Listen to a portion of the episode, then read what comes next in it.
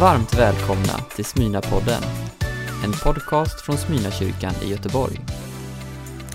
Försöka säga någonting egentligen om varför vi i den här kyrkan, bland allt annat vi ber för, också fortsätter att be för sjuka. Och eh, tanken är egentligen att det handlar ytterst inte om oss, utan det handlar om Jesus. Och i det skulle jag vilja gräva lite grann. Jag läser en text från Matteus 4. Han vandrade omkring i hela Galileen och undervisade i synagogorna, förkunnade budskapet om riket och botade alla slags sjukdomar och krämpor bland folket. Ryktet om honom spred sig i hela Syrien och man förde till honom alla som led av olika sjukdomar och plågor besatta, fallande sjuka och förlamade, och han botade dem. Och stora skaror följde honom från Galileen och Dekapolis, från Jerusalem och Judeen och från andra sidan Jordan. Jag ska strax återvända dit. Eh, men för ganska många år sedan så var jag med om en märklig händelse på detta område. Och Eh, jag var någonstans i Småland och hade en möteshelg. Det var fredag, lördag, söndag. Det förekommer inte så ofta nu för tiden, men så var det. Och eh, jag bodde i ett så kallat evangelistrum bakom estraden. På lördag förmiddag skulle jag ha en ledarsamling och vaknade i gryningen med ett aggressivt migränanfall. Det var som ett skruvstäd runt huvudet som bara drogs åt hårdare. Och ni som har migrän, jag vet att ni är ganska många, ni vet exakt vad jag pratar om. Så jag famlade i min väska efter att hitta migränmedicinen som jag aldrig reste någonstans utan. Och upptäckte till min fasa att de låg kvar hemma i Säve. Jag lyckades hitta telefonnumret till pastorn dock. Jag förklarade läget och sa att jag är chanslös. Samlingen ställdes in och jag blev liggande i ett alldeles mörkt rum. Och efter en halvtimme så knackade det försiktigt på dörren. Och jag, jag hann tänka att de kanske borde lämna mig i fred. Eh, men dock. In i rummet kom en äldre man, en sedan länge pensionerad läkare, ursprungligen från Estland. Han presenterade sig och så sa han att pastorn hade ringt och frågade om han kunde fixa medicin till mig. Nu kom han in i dunklet. Försök se det framför er som en estnisk ängel, verkligen. Han tog en stol, satte sig vid min säng och så ställde han några frågor som mynnade ut i att han sa, får jag be för dig? Eh, Åren har gått. Eh, jag har nästan aldrig migrän längre för övrigt. Eh, den försvann långt senare. Men det som hände det här ögonblicket, det glömmer jag aldrig. När jag sagt ja tack till hans erbjudande om förbön så, så tog han sina stora händer, eh, sina vinterkalla händer och så la han dem så här över mitt huvud. Och det var så fruktansvärt skönt. Alltså den här kylan mot det här brinnande, kokande huvudet. Och sen bad han på lite bruten svenska en bön om helande. Han bad i Jesu namn. Han bad med låg röst. Han bad i Andens kraft. När, när det var gjort, han har avslutat bönen, så ställde han med liksom ganska, ganska stor tydlighet så ställde han en burk medicin på mitt nattduksbord. Och så sa han, jag ställer en burk migräntabletter här om du skulle behöva dem, sa han. Och för övrigt, sa han, så är djävul, har djävulen en väldig respekt för mediciner. Sa han. Och så tackade han och gick för mig. Jag tycker det var så.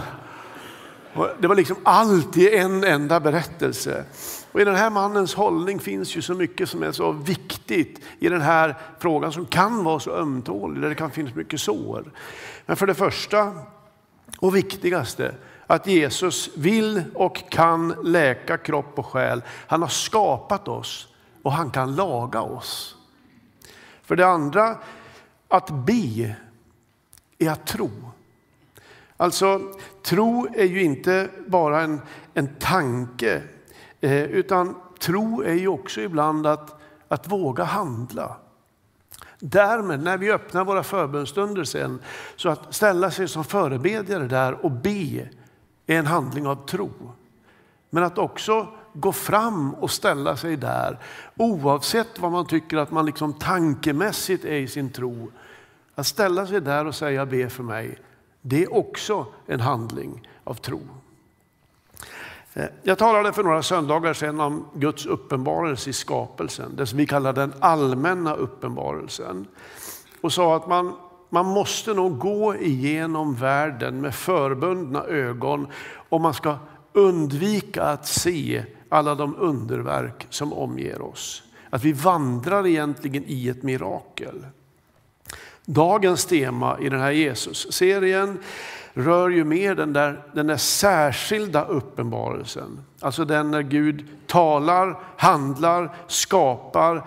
Det som får sitt främsta uttryck i att Jesus kommer till världen, att han frälser, verkar i världen och uppenbarar vem Gud är.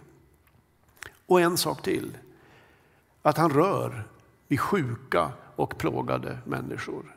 Han rör vid dem till läkedom. För precis som med naturen så, så måste man nog läsa Bibeln med förbundna ögon.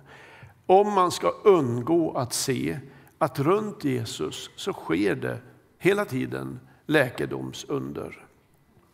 De sker på många sätt när Jesus möter fysiska behov.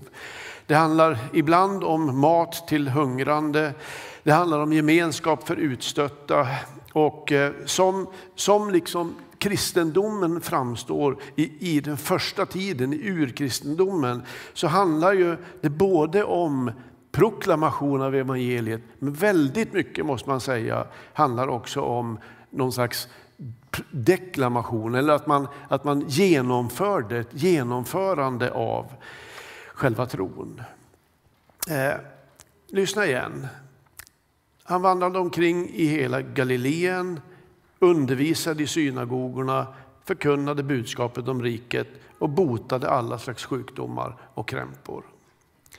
Märker du det här? Det framstår liksom som alldeles naturligt, som en naturlig del av att förkunna budskapet eh, om Jesus, detta att möta människors behov. Och helande behövs. Det behövdes då och det behövs nu.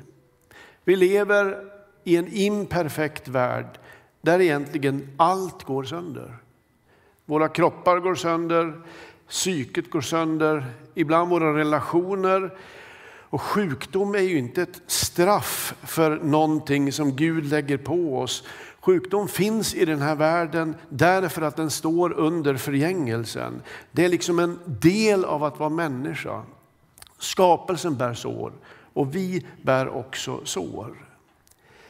Men Bibeln har mer än så att säga. Bibeln säger också att in i allt detta kom Jesus. Och i allt detta verkar fortfarande Jesus. Jag har tänkt så mycket på den här predikan därför att jag tycker att det är ett svårt område på ett sätt. Eh, men när man ska tala om Jesus som vår eller min läkare så är ju risken att man börjar med alla såna här friskrivningar och reservationer. Välment naturligtvis därför att man vill inte skapa förväntningar som om undret dröjer kan skapa nya sår och nya plågor. Ni vet alla de här som vi gärna säger, ja det verkar inte som om det alltid sker. Och Ja, det är klart det skedde mer då. De hade ju inte tillgång till den sjukvård vi har idag. Eller, ja, det har förkunnats så mycket tokigt på det här området så det har bara lagt ett skuldberg på människor. Kanske till och med en ytterligare börda, till och med tyngre än det man plågades av. Och där ska jag vilja stanna ett ögonblick och så försöka bara med all medkännande säga, mycket av det där är ju sant. Men det finns en större sanning. Och den kan bara omfattas av tron. Och det är att Jesus verkligen är vår läkare. Att han botade och botar själsliga och fysiska åkommor. Bibeln beskriver det, historien bekräftar det och många är de som idag berättar om samma Guds ingripande i, det, i, sina liv. Dan Ådahl är en av dem som har gjort det idag. Men jag vet att skulle vi fråga runt i det här rummet så skulle många kunna berätta om hur Jesus steg in och vände på allting i ditt liv, på ditt livs förutsättningar. Ett under av läkedom.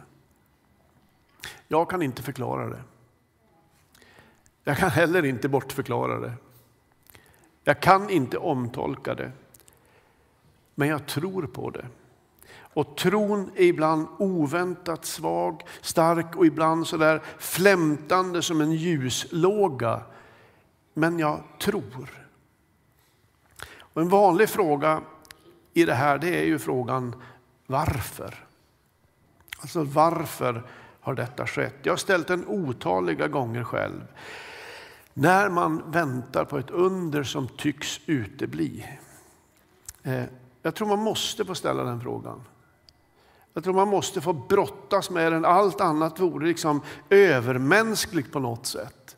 Och allt som är förenklat på det här området är samtidigt obarmhärtigt.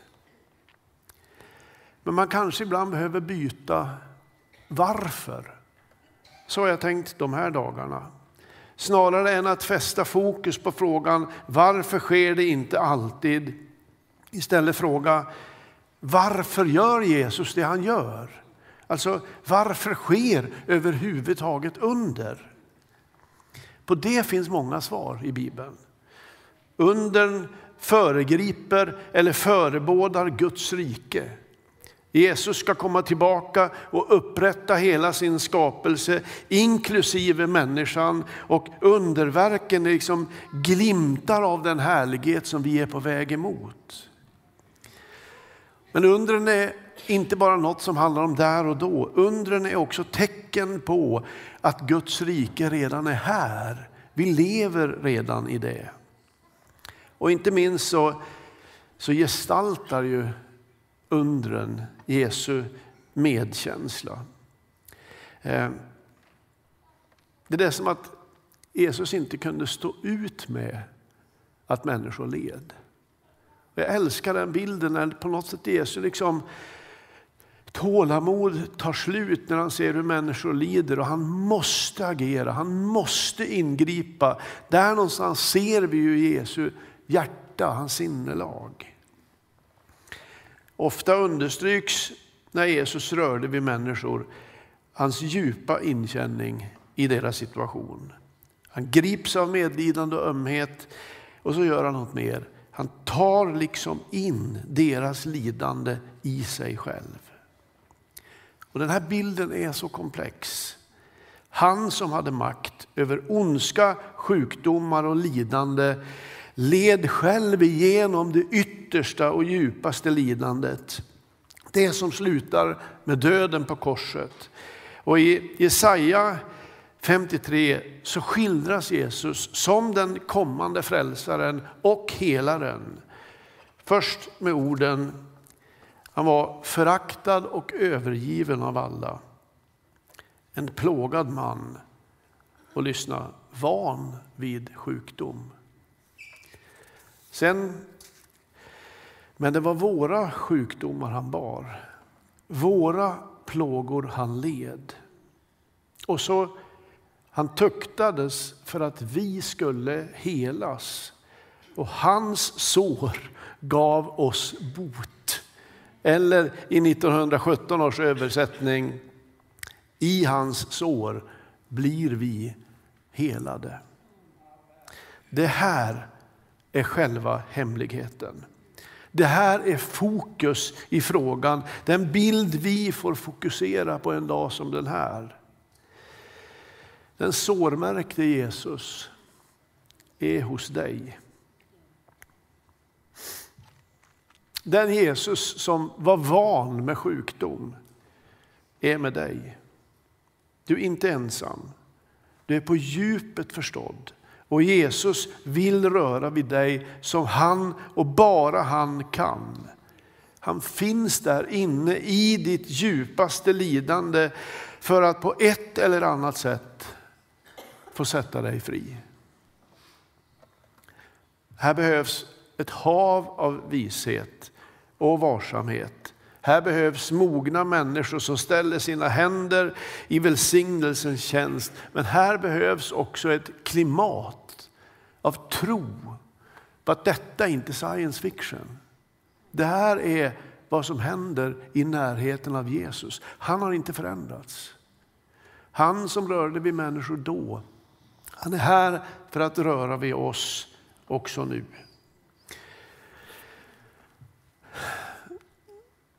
Så egentligen så landar den här predikan i att vi nu ska, strax ska gå in i nattvarden. Eh, vid varje nattvardsstation kommer det finnas förebedjare. På ett urkristet vis vill de gärna be för dig och så smörja din panna med olja. Och har du kommit hundra gånger förut, så kom igen. Kom en gång till, den 101. Har du sårats någon gång av klumpiga ord eller klumpigt handlande i din längtan på det här området så vill Jesus röra också vid det såret. Det ingår så att säga i Jesu mandat. Vi kan, vi kan inte stå här och lova någonting. Vi kan göra något mycket större och det är att vi kan överlåta varandra i Jesu händer. Överlåta varandra i den vars händer är genomborrade och sårade och där ligger själva hemligheten till vårt helande. Låt oss be.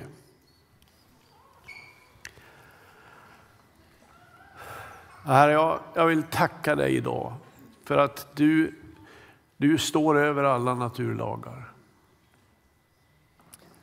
Herre, tack också för din totala inkänning i våra liv och våra livsvillkor. Du som var van med sjukdom. Du som själv led. Tack för att du är idag här och nära den som lider eller plågas. Jag vill be dig om en trons atmosfär. Sänk himlen över oss. Gjut din ande över oss. Förbjud att saker bara blir konstiga, eller tekniska eller manipulativa. Låt bara den här ljuvliga heliga ande få sänka över oss. Där bilden av dig tecknas så att allt annat bleknar. Jag ber om det i Jesu namn. Amen. Du har lyssnat på en predikan från Smyrnakyrkan i Göteborg. Hjärtligt välkommen att lyssna igen eller besöka Smyrnakyrkan. Gud välsigne dig och din vecka.